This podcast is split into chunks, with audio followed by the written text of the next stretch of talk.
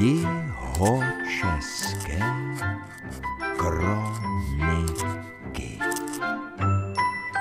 V okresu Písek na obecním úřadu z Belítova u Melevska mě přijala paní starostka Markéta Honzíková a manželé paní Ludmila Přibylová a pan Václav Přibyl. Jelikož jsme v takovémto kroužku několika lidí, tak se zeptám, kdo je kronikářem, kronikářkou obce z Belítov? Kronikářkou jsem já, paní Ludmila Přibylová a zapisuju už 22 let, od roku 2000. Zatímco se paní Ludmila Přibylová představila, tak její manžel, pan Václav Přibyla, paní starostka Markéta Honzíková přinesli dvě krabice kronik a alb. Kroniky jsou jenom zápisy. Všechny kroniky jsou psané ručně, až poslední, moje šestá, vlastně kronik už je šest, až ta šestá už je psaná na počítači, protože vzhledem ke zdraví očí už mi to nešlo psát ručně. A alba jsou stará alba, ještě po prvním panu kronikářovi, a spousta dalších už z té novější doby, kdy dělám kronikářku já. Protože do kronik by se nemělo lepit, plagáty, fotky, pozvánky a tak tohle všechno obsahují ty alba. Zmínila jste, paní Přibylová, také, že teď píšete, nebo dopsala jste šestou kroniku? Šestou kroniku a mám rozepsanou sedmou. A už ta šestá je na počítači vedená?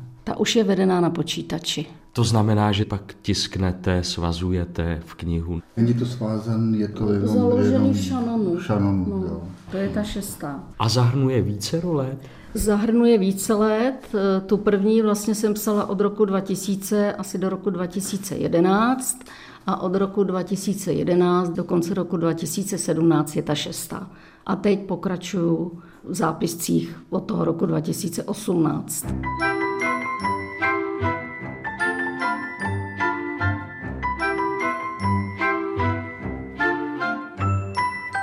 Když jste paní Přibylová začala kroniku vést elektronicky na počítači, skončila jste s těmi alby, když se můžou třeba fotky dávat rovnou do textu na počítači?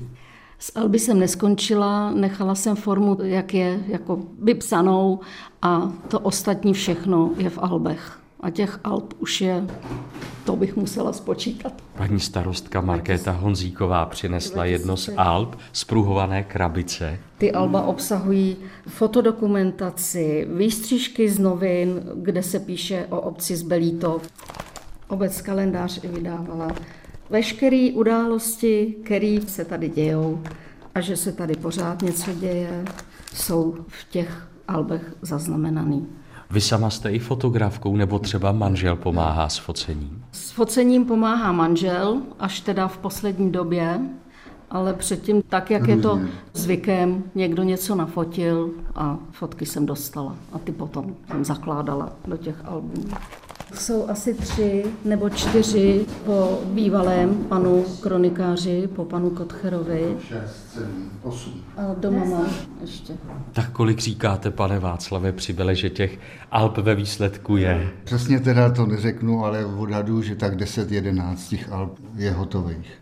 Když tu kroniku máte uzavřenou, co by díl číslo 6 je elektronická verze, tak je dostupná i pro občany z Belítova. Veřejně přístupná není, ale má každý možnost do kroniky nahlédnout. A často dělám tady nějaké výstavy, kde právě ty kroniky jsou vždycky všechny vystaveny. A výstavy byly různý. Poslední velká výstava byla v roce 2018, 100 let republiky a zároveň 100 let života ve Zbelítově. Předtím jsme dělali výstavu výročí postavení pomníku, výročí postavení kapličky, vždycky k něčemu takovýhle tematický. V souvislosti s kronikou jsme dělali i genealogickou přednášku s paní Kolískovou. To je místní občanka? Ne, paní Kolísková je z Křenovic a ta tam dělala leta letoucí kronikářku a ta se zabývá už na profesionální úrovni tou genealogií. A kde jsou tyhle Křenovice? Myslím, že takových obcí je asi víc v republice. Křenovice jsou za Milevském, kousek u Bernartic. 8 kilometrů jižně od Mileska, směrem Budějovice.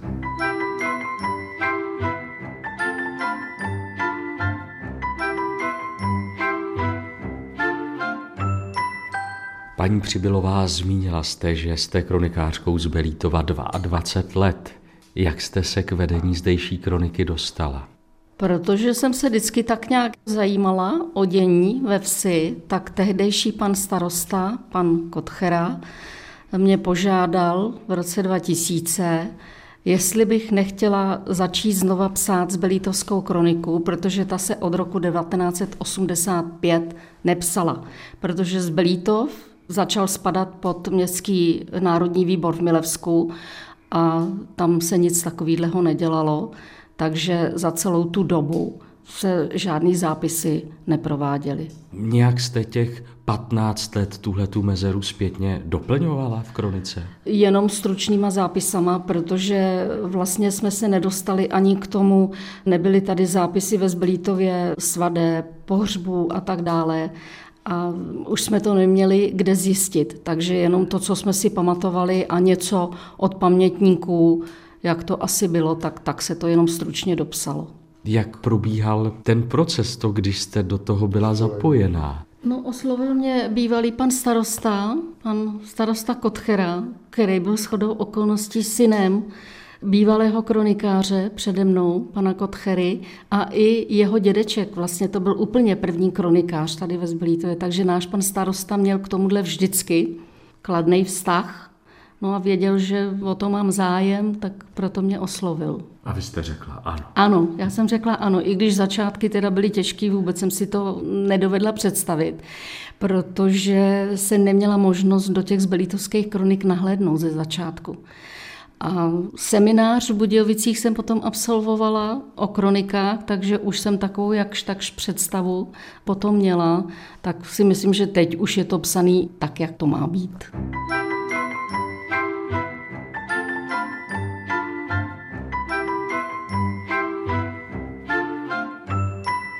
A co je vaší profesí, paní Přibylová, že jste říkala o tom, že jste měla zájem o kroniky? Moje profese byla jednoduchá. Já jsem pracovala dřív v kancelářích, v mateřské škole ve Zblítově jako kuchařka a teď už jsem deset let v důchodu. Proto na to mám tolik času a proto se tím zabývám. A kde jste v sobě objevila ten zájem o kroniky, potažmo historii? Už jako malou mě vždycky bavil dějepis.